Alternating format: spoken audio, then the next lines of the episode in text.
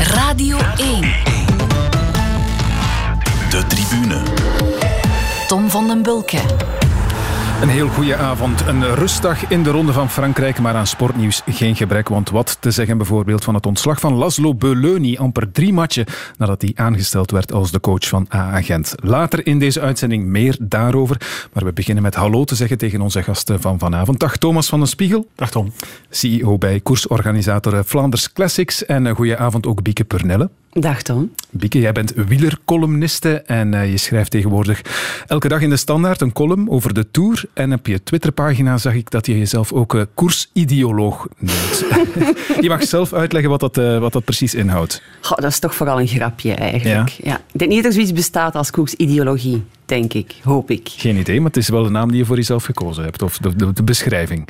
ja, ja, misschien moet ik dat er weer eens afhalen, want uh, ja, het is een beetje tendentieus toch wel. Goh, ja. Ik weet het niet. Ik laat het aan jou. In elk geval, van waar de passie voor wielrennen?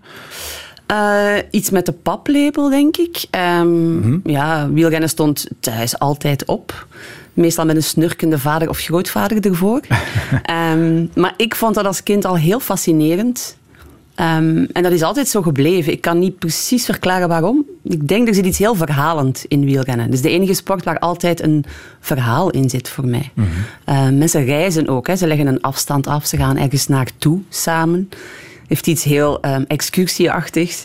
Um, en onderweg gebeurt er van alles. Ja. Dus ik vind dat een beetje, een beetje literatuur, een beetje theater ook wel. Nu je dat zegt, er zit ook een verhaal vast aan jouw reisje naar de VRT.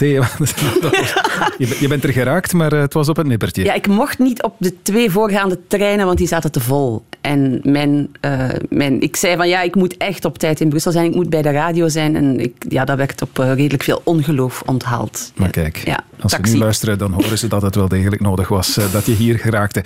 Dat is gelukt. We gaan beginnen met de momenten van de week. En het zal dan wel geen toeval zijn, denk ik, Bieke, dat dat van jou uit het wielrennen komt.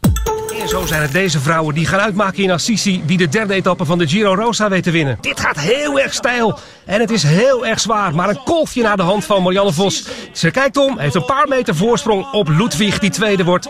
Longo Burkini wordt derde. Liepert uit Duitsland op een vierde plaats. En Van Vleuten, prachtig gedaan in het roze. Een vijfde plaats in deze loodzware etappe. Natuurlijk is Annemiek van Vleuten nog altijd de nummer 1 in het algemeen klassement. Gevolgd door Van der Breggen, die overigens uh, zevende werd vandaag op 1.22. Fragment uit de Giro Rosa, ofwel de Ronde van Italië voor uh, vrouwen. Waarom heb je hiervoor gekozen? Ik heb gekozen, niet, niet specifiek dit fragment... Um, ik heb ervoor gekozen omdat je de ronde gewoon niet kan zien. Het is de grootste, zwaarste en ook belangrijkste ronde voor vrouwen. De enige die ook zo lang is. En dit jaar is hij echt wel heel pittig. En die wordt gewoon niet uitgezonden. Mm-hmm. Um, terwijl eigenlijk de UCI heeft beslist dat uh, World Tour wedstrijden moeten uh, drie kwartier livestreaming voorzien. Dat is verplicht als je World Tour bent. Ja, ja. in principe wel. Mm-hmm. Maar dat gebeurt dus niet. Um, ja, ik vind dat heel opmerkelijk, want er zijn de laatste jaren wel uh, stappen gezet om dat vrouwenwielrennen toch uh, meer te promoten, meer zichtbaarheid te geven. Thomas kan daar van alles over vertellen. Zij doen dat bijvoorbeeld heel goed, vind ik zelf. En dan zie je dat er nu gewoon stappen teruggezet worden. Ik vind dat onbegrijpelijk. Het is een heel zware ronde dit jaar. Je zag Van Vleuten op de eerste etappe ook gewoon omvervallen. Zo'n beetje zoals Van Aert in de Strade Bianchi in 2017. Echt op dat gravelpad gewoon omverzwiepen. Uh, recht krabbelen, een eindje lopen toch nog winnen. Echt prachtig om te zien. Op dat moment gebeurde er in de Tour eigenlijk niks. Of toch niks belangrijks. Dus waarom zien we dat dan niet? En ja, dat wordt een beetje een kip of het ei discussie. Ja, het vrouwenwielrennen is niet populair. Ja, het kan ook moeilijk populair worden als je het niet toont op haar mooist. Ja. Vind ik ontzettend jammer. Is er dan een verklaring voor? Want uh, er is inderdaad die verplichting vanuit de UCI om, om minstens 45 minuten uit te zenden als je World Tour status hebt. Um, maar ze vegen dat dan zomaar van tafel uh, bij de Giro Rosa. Of hoe komt het dan? Wat, wat is de reden? Ja, dat kost natuurlijk geld. Hè? Ja. Um, en geld is nu niet iets wat er te veel is in het wielrennen. Uh, zeker momenteel niet. corona doet wat dat betreft um, ook geen deugd is ook een beetje aangehaald, voor zover ik heb begrepen, uh, door de organisatie als excuus, hè, waarom het dus niet kon. Maar ja, goed, dan blijf je zitten met... Um, ja, hoe ga je die sport dan wel naar een hoger niveau tillen, zodat mensen er ook naar gaan kijken? Dat, dat ja, is echt kip of het ei. Ik vind, het, is niet, het is geen duurzaam idee, er zit geen visie achter. Ja. Je hebt het zelf al aangegeven, er zijn de voorbije jaren wel al enorme stappen gezet. Hè? Zeker, Thomas, als je ziet van waar het vrouwenwielrennen komt. Er is al heel veel gebeurd, hè? Ja, ik wil hier nu niemand in bescherming nemen, maar het zijn natuurlijk moeilijke tijden voor organisatoren. Ehm, als ik me niet vergis, was de Giro Rosa vorig jaar wel te bekijken. En is het een stap terug en dat gaat alleen maar uit noodzaak zijn omwille van overleven als organisator op dit moment. Zeker in het vrouwenwielrennen kan ik me daar toch iets bij voorstellen. Maar er zijn natuurlijk wel stappen gezet. Hè. En er worden stappen gezet. Hè. ASO heeft nu beloofd dat er een tour voor vrouwen komt die verder gaat dan la koers. Uh, er komt een Paris-Roubaix voor vrouwen. Uh, wij proberen ons project uh, verder uit te bouwen en naar meer wedstrijden en betere wedstrijden van hoger niveau te brengen met broadcasts. Dus er wordt wel wat gedaan, er beweegt wel wat. de storytelling is ook veel verbeterd. Dus ik denk dat toch wel een, heel, een heleboel wielerliefhebbers ook met heel veel plezier naar vrouwen wielrennen kijken de dag van vandaag. Als je het EK zag, uh, dat was zoveel mooier dan de mannen. Ik hoop dat die kijkcijfers ook, uh, ook uh, navenant waren. Dus je ziet ook in het veldrijden dat de, dat de vrouwen heel veel aandacht krijgen op vandaag. Dat die competitiviteit die daar heerst het bijna populairder maakt dan, dan bij de mannen. Ehm, dus ehm, ik denk dat we wel op de goede weg zijn. Alleen ja, dit soort verhalen kunnen we eigenlijk wel missen als sport. Um, en daar moeten we heel voorzichtig mee omspringen. En, en het is wel jammer, want uiteindelijk is het de kip of het ei. Het is ook een beslissing die genomen wordt op basis van, denk ik, geen afnemers uh, voor die rechten op vandaag.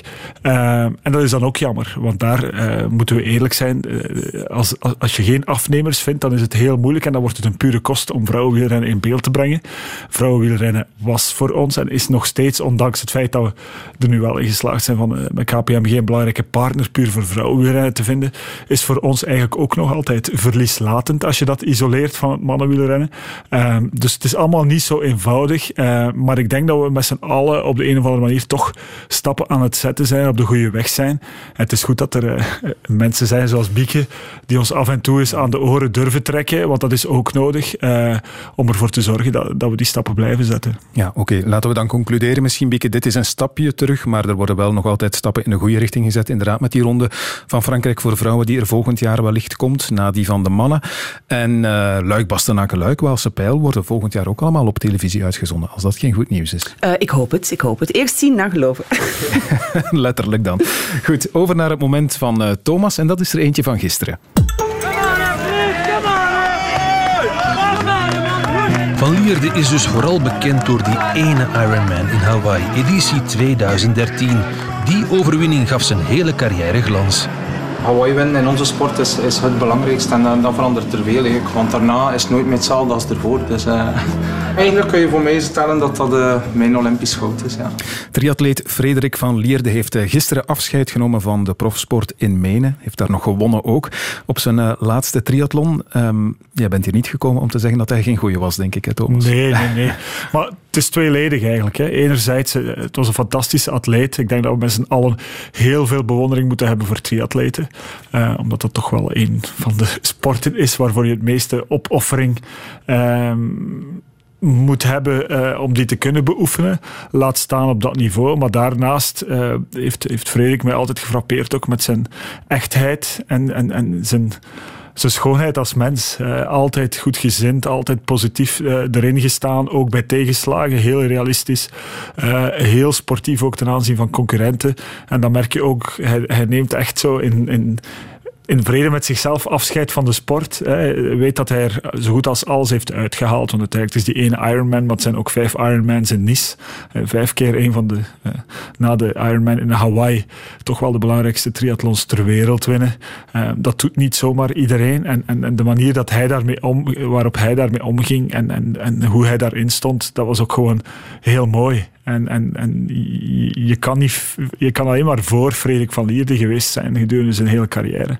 En hij sluit u niet op, de, op dezelfde manier af. Mm -hmm. Hij is uh, 40, denk ik. Hè? Um, hoeveel uren zou hij niet getraind hebben in zijn leven? Want oké, okay, wielrenners, we weten dat die veel trainen, maar triatleten, ja, die doen drie sporten tegelijk. Dus uh, reken maar uit. Ja, ik vind dat eigenlijk hallucinant. Je cijfert eigenlijk je volledige... Eigenlijk begint zijn leven vandaag. Hè? Want uh, je hebt je, jezelf eigenlijk volledig weggecijferd. Of alles wat er is in het leven heb je weggecijferd voor die sport. Uh, tot de dag dat je stopt en dan, en dan herbegint het eigenlijk. Maar ik vermoed dat hij wel op de een of andere manier. je laat dat niet zomaar los, je raakt daar ook een stukje aan verslaafd, denk ik. dus, uh, ongetwijfeld. Dat, uh, Daar maak ik me geen zorgen over. Is het ook een sport die we te weinig zien, Bieke? Ja, dat kan je van veel sporten wel zeggen. Hè. Er gaat heel veel aandacht naar voetbal, dan komt het wielrennen. Um, ja, er zijn heel veel sporten die toch wel wat stiefmoederlijk of stiefvaderlijk uh, behandeld worden. Uh, niet alleen vrouwensport, absoluut. Ja.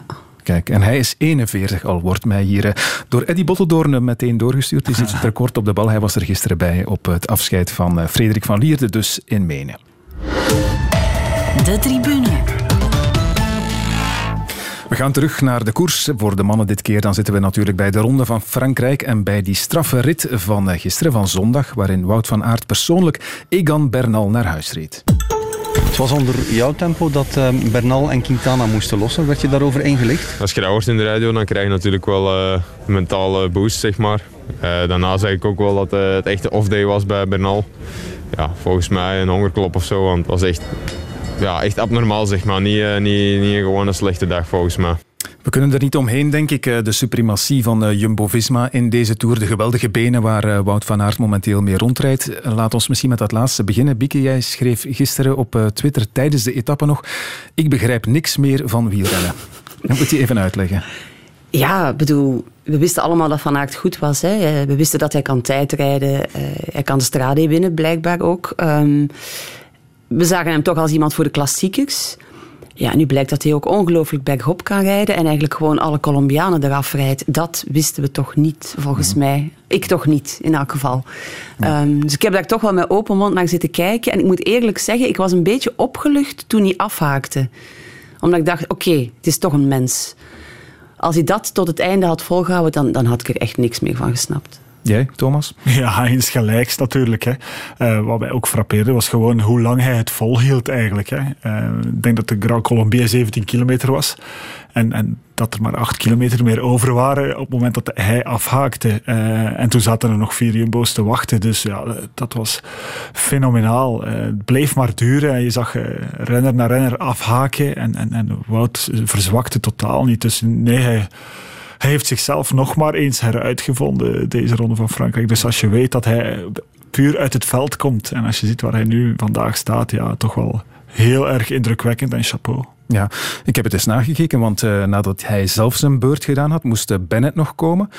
Toen Bennett zijn beurt gedaan heeft en hij zichzelf ook aan de kant gezet heeft, is Wout van Aert nog op en over Bennett gegaan en heeft hem op de finish nog op een minuut gezet. Ja, dat was niet de eerste keer trouwens. Dat was ook vorige week een bergrit waar hij eindigde voor diegene die een beurt gedaan had na hem. Dus hij is gisteren binnengekomen bij Bernal. Hè. Dus hij heeft ook gewoon nog meegereden met Bernal en zijn ploegmaats eh, naar boven. Dus uh, hij staat 24ste in de stand ook, denk ik. Voor iemand die ook twee massasprints gewonnen heeft vorige week is dat toch wel heel erg bevreemdend als je kijkt waar alle andere sprinters staan. Ja, er wordt met grote ogen naar gekeken en dan worden er ook uh, vragen gesteld natuurlijk Thomas. Thomas, Wood van Aert, qu'est-ce que vous en pensez? Est-ce qu'il peut gagner le Tour de France un jour? Ah, Moi, je pense qu'il faut que la science euh, s'intéresse à son cas parce qu'il est extraordinaire, ce, mec. C'est énorme. Il est capable de gagner des sprints massifs. Il est euh, non mais c'est moi j'adore ce mec et c'est impressionnant. Il, fait plus de travail que les purs grimpeurs et il va gagner des sprints massifs. Il deux fois enfin il a été champion du monde de cyclocross. J'ai pas répondu à la question. Euh, oui quand on voit ce qu'il est capable de faire, il est encore en âge de progresser. Oui il est capable de gagner un jour le Tour. Dat laatste zinnetje is het eh, belangrijkste, denk ik. Ja, hij is in staat om op een dag de ronde van Frankrijk te winnen. Hoho, uh, is dat niet echt van het goede te veel, Bieke? Er is nog een groot verschil tussen in staat zijn, hè, dan fysiek in staat zijn om, uh, en het ook willen en mentaal kunnen. Het zijn twee verschillende dingen. Ik zou me kunnen voorstellen als Wout van Aert beslist om zich daarop toe te leggen um, en heel sterk te focussen op die Tour of op een andere grote ronde, dat dat misschien wel mogelijk zou zijn. He, gewicht verliezen, dan verlies je natuurlijk ook, dat is heel riskant, want je verliest ook wel wat aan kracht en explosiviteit, dus daar moet je heel goed mee opletten. Maar goed, zeker niet onmogelijk.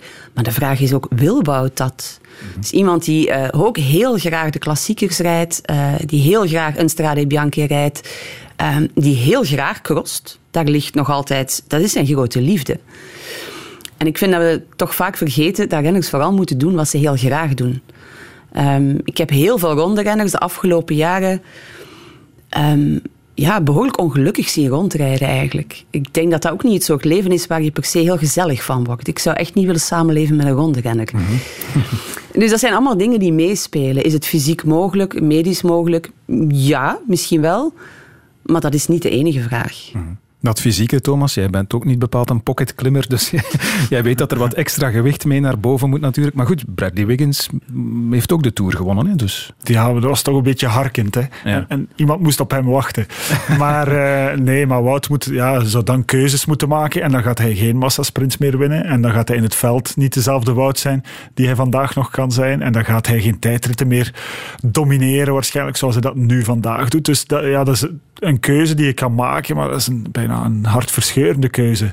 Uh, en dat moet je doen wat je graag doet. En ik denk dat er op het lijstje van Wout uh, nog andere dingen staan dan enkel uh, de Strade en Milan Sanremo. Daar zullen ook wel nog een paar klassiekers dichter bij huis op staan op dat lijstje. Als hij die allemaal gewonnen heeft, dan zal hij misschien ooit eens kunnen zeggen van, hm, misschien moet ik toch maar eens een kilo of acht of misschien meer uh, afvallen en proberen mee te gaan met de beste in de Tour. Ja, ik weet niet of de vraag over uh, de Ronde van Frankrijk winnen hemzelf intussen al gesteld is, maar Renaat had het gisteren wel over, uh, ja, moet hij misschien ook in de toekomst de focus misschien toch een beetje herleggen? Ja, met je klimmersbenen die je hier demonstreert in de Ronde van Frankrijk, behoort een klassement in kortere rittenkoersen eigenlijk niet tot de mogelijkheden in jouw toekomst? Uh, ja, misschien wel. Ik denk uh, dat we daar voorlopig nog niet echt over nagedacht hebben. Natuurlijk ontdek ik mezelf wel een beetje dit jaar uh, op dat vlak. Misschien iets voor de toekomst inderdaad. Ja, misschien iets voor de toekomst, zegt Wout van Aert. Maar is dat echt nodig? Want ik denk dan als renner heb je toch liever een paar keer meer Parijs-Roubaix op je palmarès staan dan pakken we geen overwinning in eindzege in de Ronde van Polen of Catalonië. Met alle respect nogmaals voor de renners zo, die er hij, daar voluit voor gaan. Hè? Zoals hij zich vandaag aan ons toont natuurlijk, sluit het ene het andere niet uit. Um, en kan je dat best wel combineren. En kan je wel eens zeggen van misschien moet ik wel eens Parijs-Nice als voorbereiding uh, op een aantal andere zaken proberen. Of de Tirreno in het voorjaar. Of de ronde van de Algarve, zeg maar. Uh, dat soort wedstrijden die je dan perfect kan combineren met eendagswedstrijden. Dat, dat is niet uitgesloten, maar ik denk toch altijd dat... Dat toch wel de echte klassiekers en de monumenten een stukje hoger aangeschreven staan dan bijna dan alle eigenlijk uh, uh, rondjes van een week. Bij ons. Ja, -hmm. misschien niet overal. Wow. Ja, enfin, ik weet het niet zeker. Ja, ik denk dat het ook wel belangrijk is als je... Want hij zegt het ook, hè, ik ontdek mezelf. En dan wil je daar ook wel iets mee doen. Dus ik kan me heel goed voorstellen dat het voor hem nu een heel aantrekkelijk idee is om eens um, als kopman zo'n kleinere ronde te rijden. Niet omdat die ronde zelf zo belangrijk is, maar om te kijken waar hem dat brengt en, en hoe dat hem bevalt en of dat lukt. Het is eerder een soort leerproces. Hm. Parijs-Nice bijvoorbeeld staat ja. ook wel mooi op je palmarès uiteindelijk. Hè? Uh, toch ook een mooie om te winnen, hè? Ja, ja absoluut. Nu, um, nu we het over die klassiekers hebben, ze komen er straks aan in uh, oktober. Wout van Aert is in uh, topvorm nu. Dat is wel het minste wat we kunnen zeggen. Maar uh, hoe lang kan hij dat nog volhouden? Want ik uh, kan me voorstellen, Thomas, dat hij, dat hij de ronde en Roubaix ook wel wil winnen natuurlijk. Ja, sinds vandaag weten we dat hij zich op het WK ook nog moet focussen. Dus hij gaat die vorm wel heel erg lang moeten proberen vasthouden. Um, Jumbo Visma staat er natuurlijk voor bekend om niet over één nacht ijs te gaan bij alles dat begeleiding en training is. Dus die zullen ook wel min of meer weten hoe ze de rest van Wout's seizoen uh, willen indelen samen met hem uh, en met zijn trainer.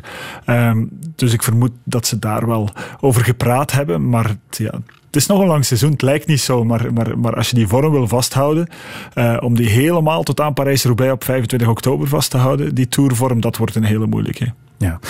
Um, hij heeft eigenhandig Egan Bernal naar huis gereden gisteren. Ook Quintana moest eraf onder zijn beukwerk. Als we dan toch hebben over uh, voorbereiding en pieken enzovoort. Jumbo-Visma is er inderdaad heel sterk in, maar was Ineos dat ook niet? Hoe komt het dat uh, Bernal plots zo in de problemen zit? Goh, dat het een combinatie is van factoren. Enfin, moeilijk te zeggen natuurlijk, hè, maar hij heeft een tijdje niet kunnen trainen.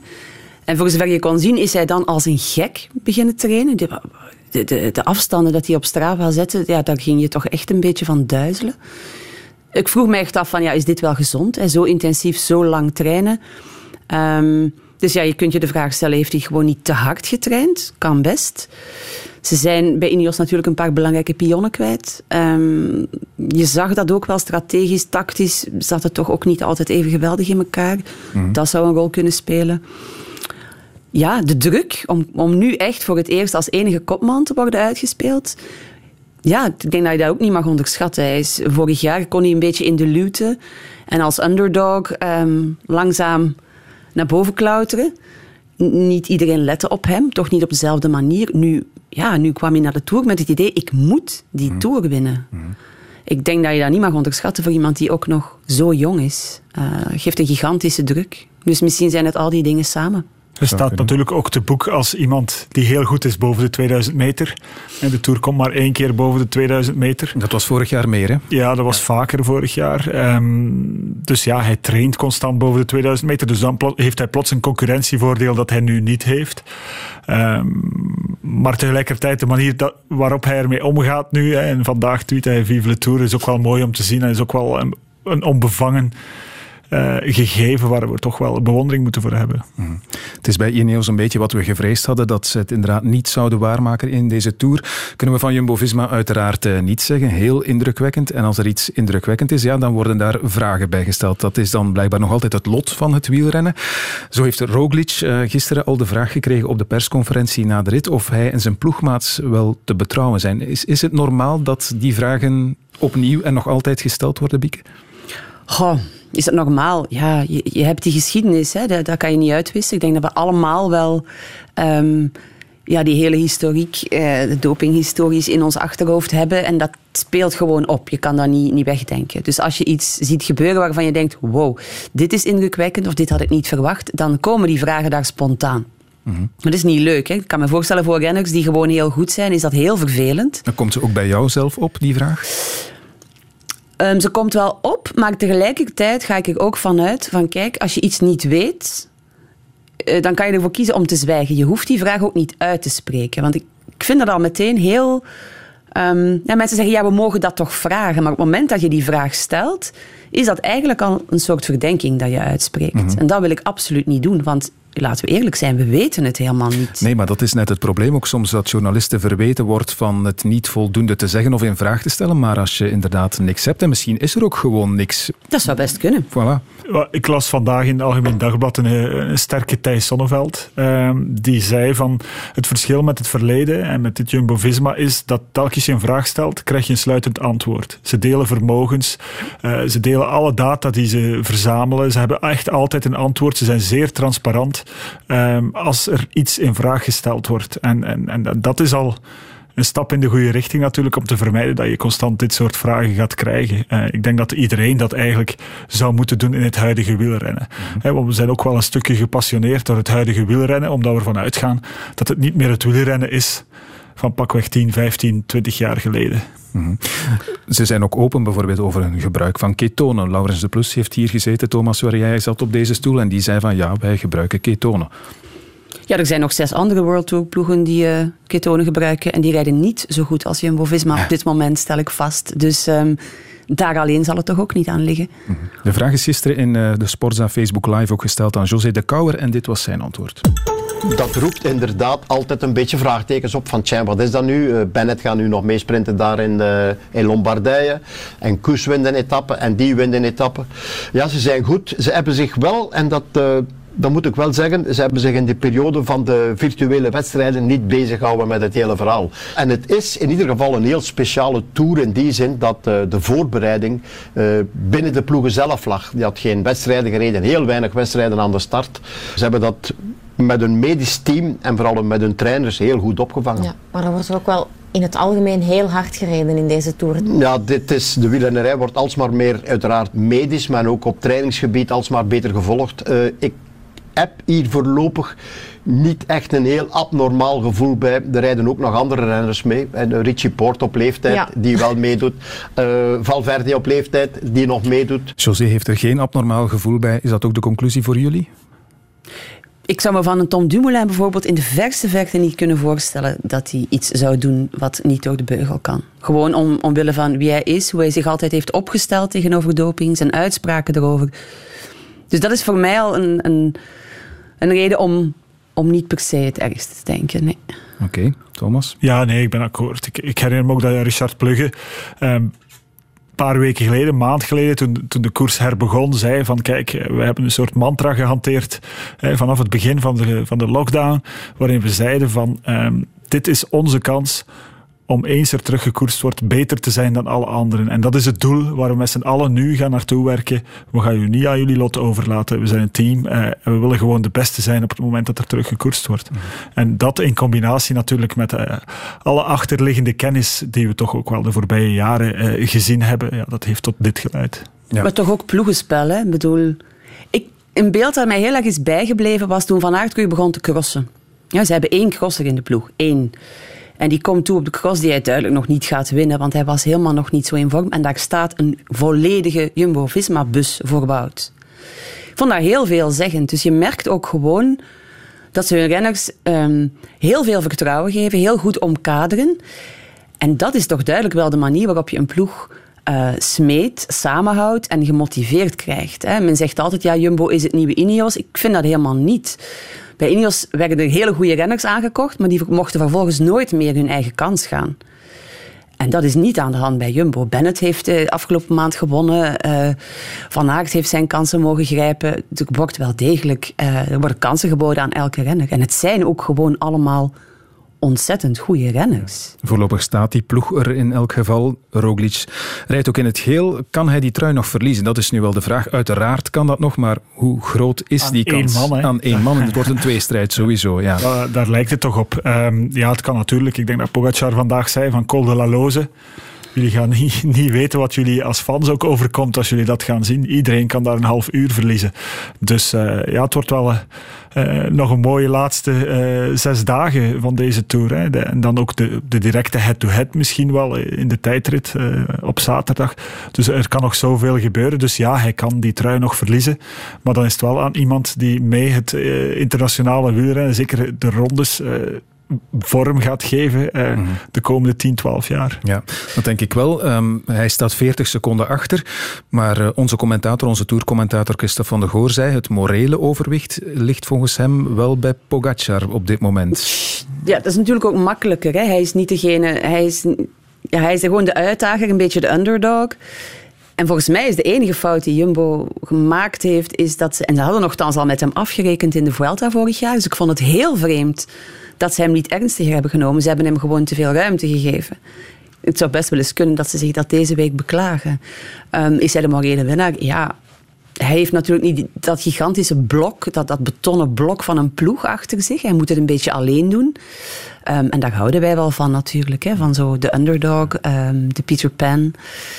Dus ja, het is gewoon anders koeksen. Ik zag jou van nee schudden. Jij bent het niet helemaal eens met uh, Christophe? Ja, ik denk dat Jumbo één tactische fout gemaakt heeft de dag van de Paris-Sourde, toen ze Van Aert heel vroeg opofferde. En toen iedereen verwachtte, ze, ze, ze, rollen de rode loper uit voor uh, Roglic en er kwam niks. Uh, Integendeel, Pogacar uh, ging dan plots toch wel tonen dat hij misschien wel sterker was. Um, maar daarna hebben ze toch volledige controle gehouden tot, tot, tot en met uh, gisteren. Um, het is ook, ja, Roglic is er gewoon elke keer bij. Het is ook niet aan hem om nu, hij, krijg, hij raakt hem niet kwijt, maar tegelijkertijd is niet dat hij al één moment in de problemen geweest is. Dus moreel overwicht. Um, ik zou toch met een, een twee, drietal ploegmaats, mocht ik Pogacar zijn, iets meer op mijn gemak zijn dan nu, waar ik een beetje als vrijbuiter uh, die laatste week in ga. Roglic wint de Tour? Ja, voor mij wel. Hmm. ik denk, gezien de sterkte van de ploeg, zou dat wel moeten, ja. ja. Okay. Maar zeker weten we het nooit, gelukkig. De tribune.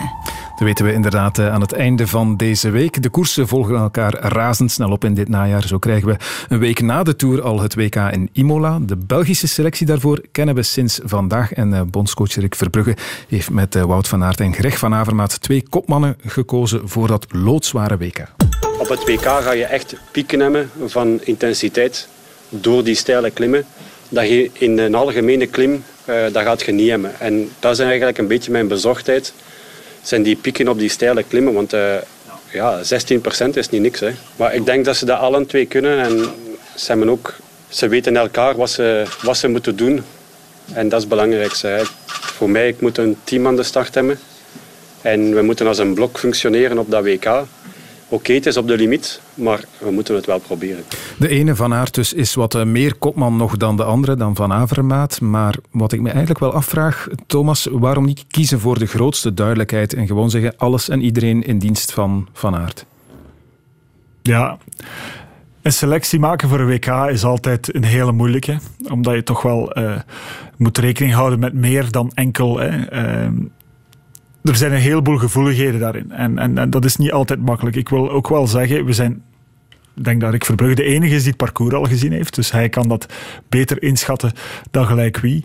Maar het is heel moeilijk om vandaag al te zeggen van kijk, alles op Van Aert of alles uh, op Van Avermaat. Ik denk dat je meerdere ijzers in het vuur moet hebben. Hij zei ook vandaag van ik ga je nu nog niet alles uh, aan jullie vertellen, want uh, er zit wel een idee achter, er zit tactiek achter. Ik heb met iedereen alles goed doorgepraat. We weten perfect allemaal wat we gaan moeten doen die dag. Dus ik snap het ergens wel.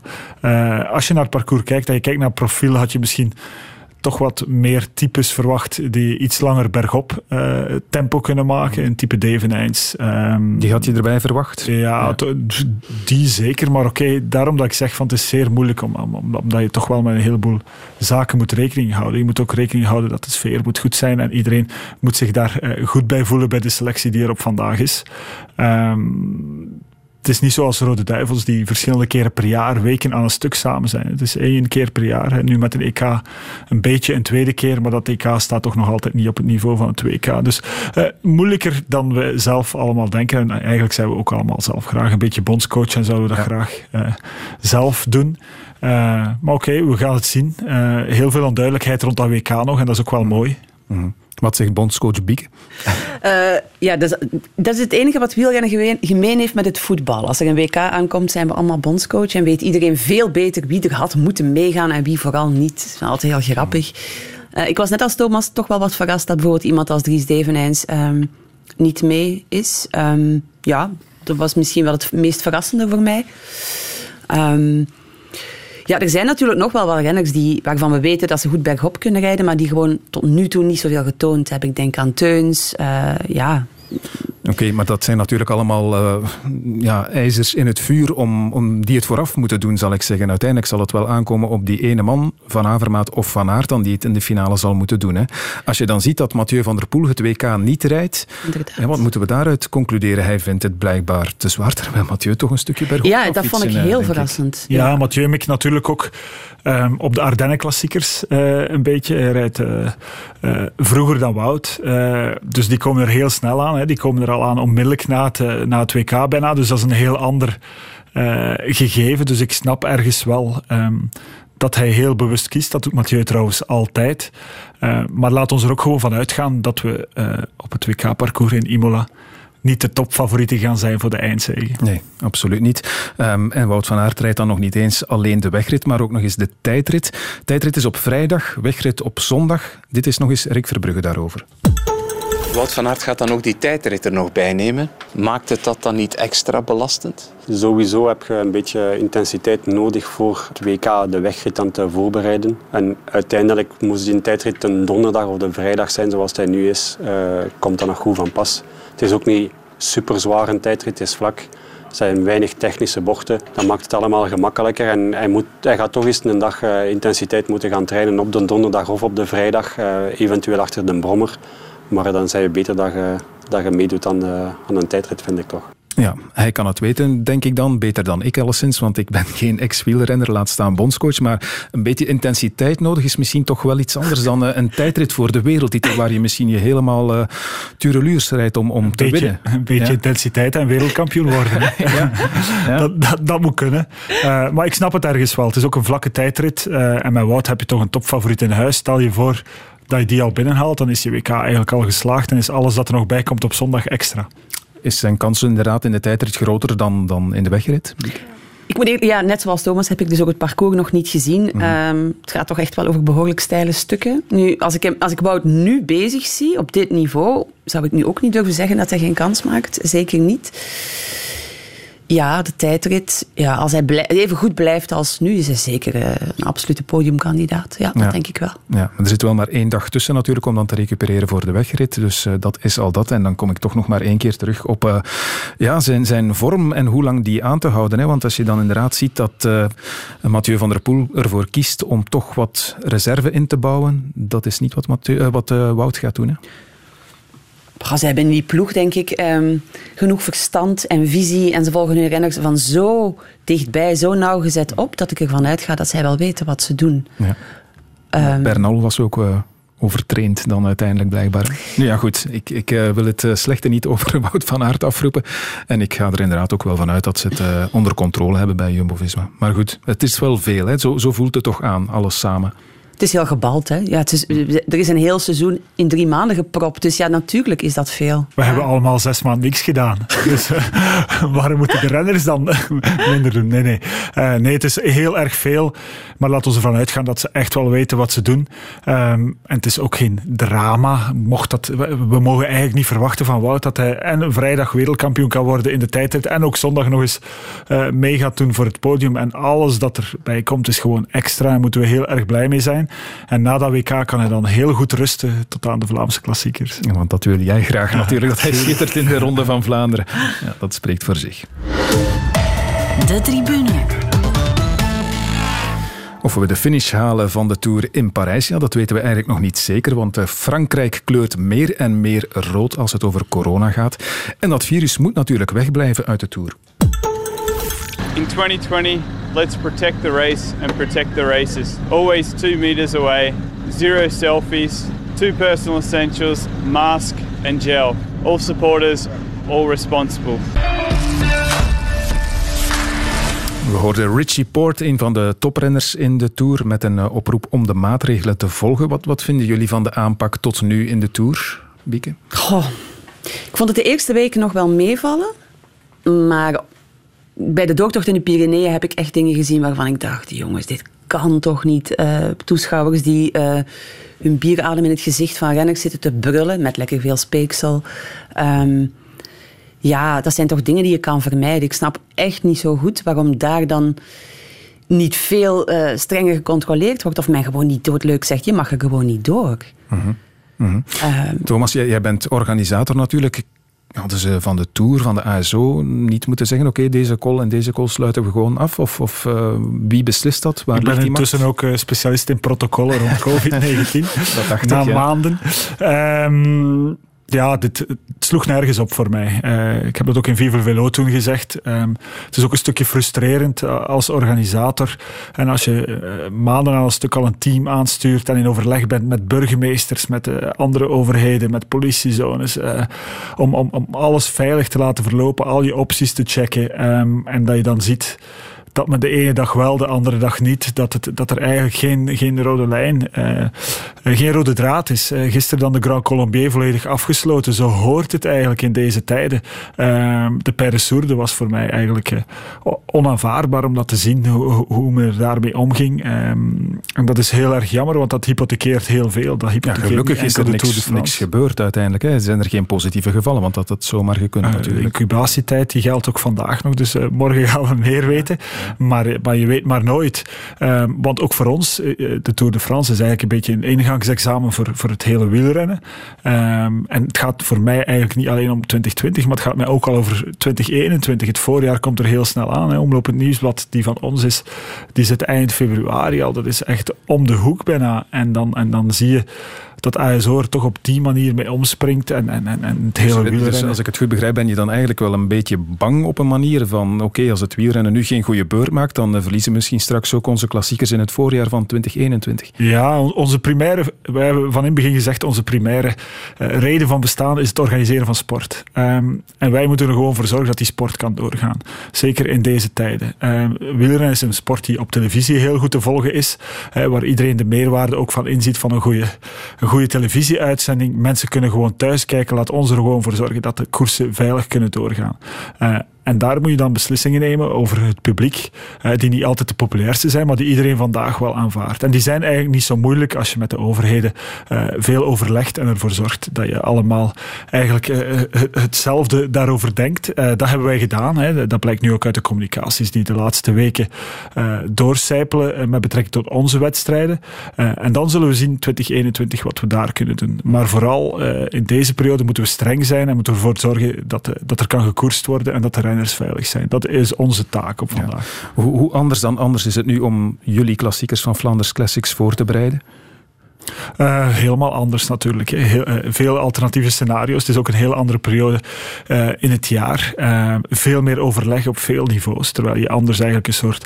je bent een machine die, die doordraait, die op vaste ritmes werkt. En, en, en, vandaag is dat gewoon veel moeilijker. we hebben al echt alles dat we organiseren, hebben we al zo vaak moeten wijzigen. We zijn nu in overleg met alles en iedereen om ervoor te zorgen dat het toch wel klopt dit jaar. Maar het is een heel ander gegeven met heel veel flexibiliteit is ook financieel niet makkelijk voor ons natuurlijk, omdat het, eh, het wordt een heel moeilijk jaar financieel. Heel veel want, mensen, want eh, VIP-tenten gaan we niet zien, veronderstel ik. Uh. geen VIP-tenten, maar er is nu ook gewoon besloten in overleg um, dat er mondmaskerplicht zal zijn langs het hele parcours, maar vooral dat alle iconische plekken gaan afgesloten zijn. Uh, wat wil zeggen dat er eigenlijk geen reden is om te komen kijken naar de koers. Je kan ze beter zien in je zetel, meer dan ooit. Hè. Dat is al, altijd het geval, maar meer dan ooit kan je ze beter van thuis volgen. Uh, omdat we ervan uitgaan dat dat gewoon nu opportun is. Ja. Gaan we het missen, uh, dat wel, hè, tijdens de Ronde van Vlaanderen, Bieke, die, die sfeer op de hellingen? Ik moet zeggen dat ik al, al lang niet meer naar de Ronde van Vlaanderen ga, omdat het te druk is. Um, ik ga wel altijd nog naar Parijs-Roubaix. Um, maar dat zal ook moeilijk worden. Maar daar kan je wel nog gewoon met je, met je botten in een patattenveld gaan staan zonder al te veel problemen.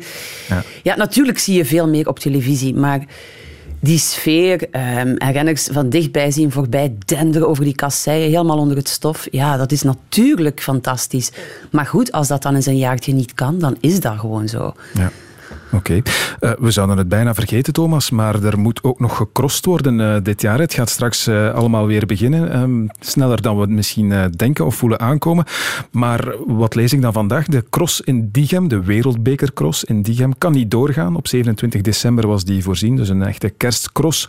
Um, het mag niet van de burgemeester. Dat is een, een cross die onder de wereldbeker valt en dus ook bij, bij jullie zit. Ja, Diegem is natuurlijk een zeer specifiek gegeven, want dat is een cross in een dorpscentrum. Um, die qua logistieke aanpak al veel meer vergt in normale tijden, laat staan in coronatijden. Dus ergens wel begrijpelijk. We waren misschien liever iets meer betrokken geweest bij dat overleg. We denken ook dat we niet over één nacht ijs mogen gaan met z'n allen als we dit soort ingrijpende beslissingen uh, op vandaag nemen. Want het is een beslissing dan puur van, vanuit de gemeente, van, van uh, ja, de veiligheidscel van, van het, het, lokale niveau, hè, gedurende ja. deze hele crisis, heeft al heel veel uh, beslissingsrecht. Dus wij moeten altijd in overleg gaan met het lokale niveau. Um, dat lukt meestal wel. In deze hadden we graag wat meer overlegd, maar goed, het is wat het is. Um, het enige dat ik daar kan over zeggen is natuurlijk dat, dat dit ook wel aangeeft hoe ernstig de situatie is, ook voor de cross. Want tot op vandaag hebben we discussies gehad over start- en prijzengeld. En dan denk ik van jongens, eh, we moeten ervan uitgaan dat er nog heel wat organisatoren misschien de stekker zullen uittrekken. Mhm. En dan is er helemaal geen cross, wat veel erger is dan een discussie over start- of prijzengeld. Uh, want het is toch wel uh, ook 5 voor 12 voor de cross. En we mogen ervan uitgaan dat er nog crossen niet zullen doorgaan dit jaar. Ja, Denk je dat inderdaad, uh, gaan er nog crossen sneuvelen? Wel, uh, veldrijden, een van de, van de belangrijkste bronnen van inkomen, in tegenstelling tot op de weg uh, het wielrennen, is natuurlijk ticketing. Hè. Mensen betalen ingang. -hmm. een lokale organisator die geen inkomsten heeft van publiek, maar ook niet van het bier dat dat publiek drinkt, ja, die, heeft, die, heeft, die gaat sowieso een moeilijk jaar tegemoet. Laat staan dat hij misschien zegt van ik sla liever een jaartje over, want dit kan ik niet aan, want die logistieke kost van een veldrit valt niet te onderschatten. heb je al signalen dat er naast Diegem nog andere organisatoren zouden zeggen uh, het kan niet of, of, zijn of het mag niet. Ja, er zijn geen organisatoren vandaag die zich geen zorgen maken. Ja. Dus, uh, en men wacht graag lang om te beslissen, gelukkig maar. Maar we gaan ervan uit dat er toch wel nog een aantal niet zullen doorgaan. Dus ja, die signalen zijn er wel. Oké. Okay. Hopelijk valt het mee, maar dat moeten we afwachten natuurlijk. We hebben al veel over wielrennen gepraat, maar we moeten het natuurlijk ook nog over voetbal hebben. Jawel. De tribune. Radio 1. Want het sportnieuws van de dag dat kwam vandaag uit de Gelamco Arena in Gent. In de hele periode dat ik uh, voorzitter ben, heb ik nog maar zelden zo'n uh, een, een weerstand gevoeld bij, de, bij, de, bij onze supporters. Maar uh, to be honest, ook nog maar zelden zo'n weerstand gevoeld in de, in de spelersgroep. Ja. En dan denk ik dat het goed is om, om misschien dat niet te lang te laten aanslepen. Dat was uh, agentvoorzitter Ivan de Witte. Na amper 25 dagen heeft hij coach Laszlo Belloni bedankt voor uh, zijn beperkte diensten. Bieke Pernelle, onze wielercolumniste, heeft uh, de stoel even afgestaan aan Peter van den Bem. Dag Peter. Ja, um, dit nieuws nu, vandaag. Is dit nu verrassend of zagen we dat toch aankomen? Hoe, hoe moeten we dat interpreteren. Uh, ik niet in elk geval. Ja. Hey, er, er, waren steeds meer verhalen over uh, hoe fout het wel zat tussen de trainer en de spelersgroep. En eigenlijk ook wel uh, een deel in van de schoot van de club, laat ik het zo maar noemen. Maar dat Gent vandaag aan de vooravond van die wedstrijd tegen Rapid Wien ineens de trainer nog aan de deur zou zetten, dat had ik niet verwacht. Maar als je er even over nadenkt, ehm, begrijp ik het wel. Het onderstreept het enorme belang van die wedstrijd van morgen. do or die, als de club eruit gaat in de van de Champions League en eh, de Champions League droom is vervlogen, dan, dan pas is het echt sportieve crisis bij, bij AA Gent. En Ivan de Witte is natuurlijk slim genoeg om te weten dat als hij Mordicus vasthield, ondanks al die luider wordende signalen uit de spelersgroep, vasthield aan deze trainer, die signalen bleef negeren en er dan een slecht resultaat was gisteren, dat hij er natuurlijk ging op afgerekend worden, dat de kritiek van de, van de supporters nog veel harder ging zijn. En dat heeft hij natuurlijk niet zo graag. En Tom, de situatie is nu wel anders. Mhm. Want de Witte en Louagie hebben gezegd: oké, de trainer moet buiten, oké, we zetten de trainer aan de deur. Laat het dan nu maar eens zien morgen tegen Rapid Wien. Dus de bal ligt nu in het kamp van de spelers. Ja. Die spelers die, die zullen opgelucht zijn, neem ik aan. Want uh, ja, we hebben gehoord wat uh, Roman Jaremchuk zei na die uh, gewonnen wedstrijd. Was het dan nog tegen, en het was, het was interessant dat ik daarnet Ivan de Witte hoorde zeggen dat hij nog nooit zo'n grote weerstand had gevoeld binnen de spelersgroep. Dat is dan een nieuw inzicht van de voorbije dagen, neem ik aan. Ah, ja. Want het is precies dat wat, wat Jaremchuk na een overigens gewonnen wedstrijd tegen KV Mechelen zei, wat zeer verrassend wordt en zeer openhartig. dat bleek dan toch redelijk gedragen binnen de spelersgroep. Want ik weet dat Jaremchuk, na dat onderhoud met De Witte, die, die een dag of twee later in de krant Het Laatste Nieuws kwam vertellen dat hij toch begrepen had dat het toch eh, geen breed gedragen visie was binnen de spelersgroep. Wel, Jaremchuk werd eigenlijk gevraagd verplicht om zijn verontschuldigingen aan te bieden voor de spelersgroep. En die zei, dat is goed, ik zal het doen als blijkt dat wat ik heb gezegd niet gedragen wordt door de spelersgroep. Maar dat bleek natuurlijk niet het geval te zijn. Dus hij heeft het geweigerd. Dus om nu halvelings uit de lucht eh, te komen vallen, dat vind ik niet uh, helemaal correct. Nee. Blijft nog de vraag natuurlijk, oké, je hebt die van de Witte, die zit al zo lang in dat voetbal, die, die kent alle ins en outs, uh, die zit ook in de Hager-wereld, weet hoe hij mensen op de juiste plaats moet zetten, hoe hij ze moet aantrekken enzovoort. Hoe heeft hij zich dan zo kunnen vergissen? Dat is een uh, vraag die hij alleen kan beantwoorden, als hij dat zou willen natuurlijk, eventueel in een later uh, diepgravender uh, gesprek. Want het kan niet zijn dat ze niet wisten hoe Laszlo Beleuni denkt over voetbal, hoe hij een ploeg laat voetballen, hoe zijn voetbalfilosofie toch niet helemaal strookt met het DNA dat de agent heeft ontwikkeld de voorbije jaren. Dat de spelersgroep die ze toch tegen een vrij hoge prijs hadden samengesteld niet meteen compatibel was met de manier waarop Laszlo Beleuni een elftal graag laat voetballen en dat hij dat op zijn wat gevorderde leeftijd wellicht toch niet helemaal anders meer gaat, uh, gaat doen. En, en de verhalen die nu naar boven komen. Hè, niet te veel beelden bekijken. Mhm. Zelf heel vaak te laat komen op afspraken.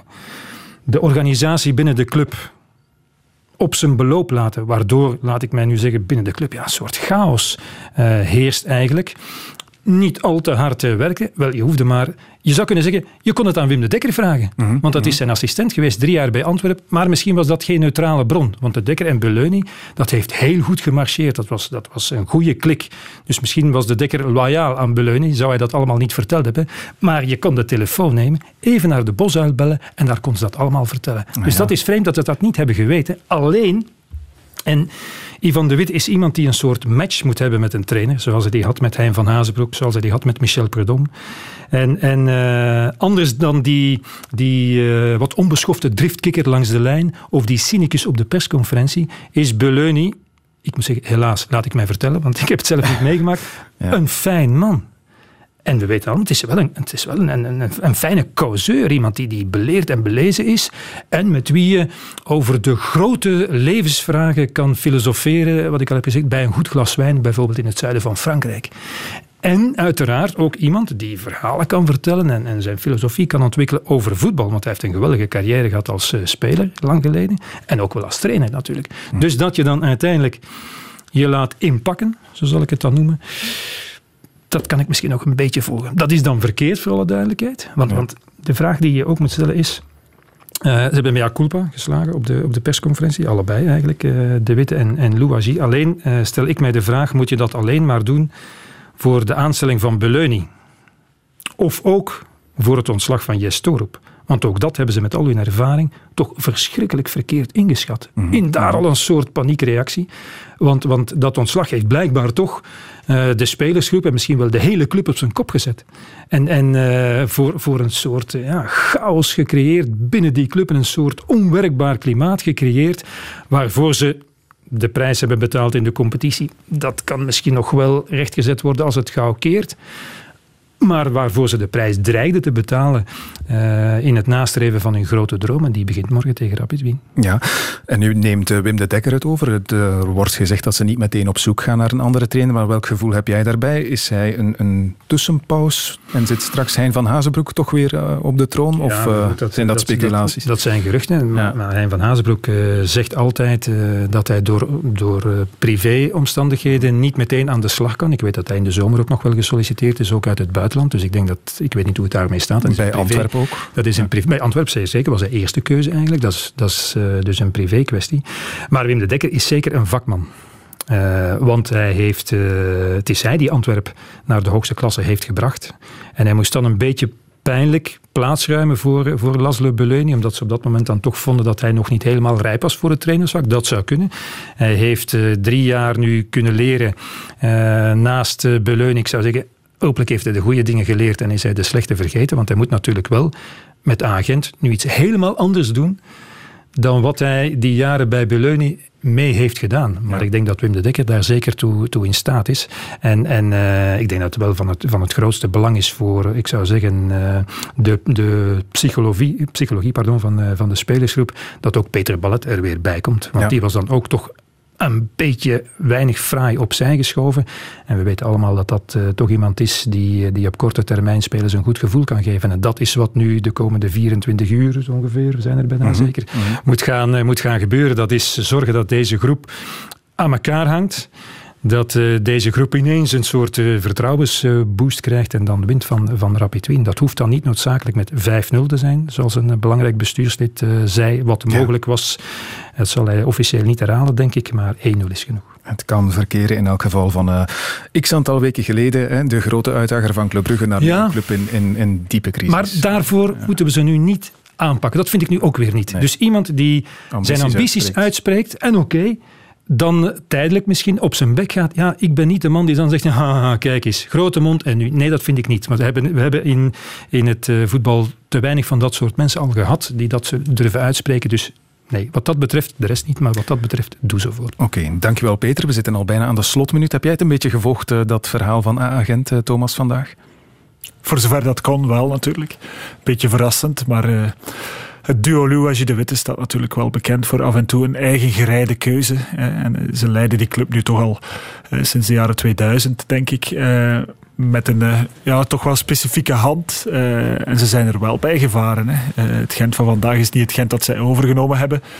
Maar een team vormen en, en, en coaches wisselen um, op die manier, ja, zo werkt dat nu eenmaal niet. die chemie die moet heersen in een team, die is zo belangrijk. En het belangrijkste werk doe je eigenlijk in het tussenseizoen. En, en eens het seizoen start, dan moet je gewoon vertrokken zijn en dan moeten al die puzzelstukken in elkaar vallen.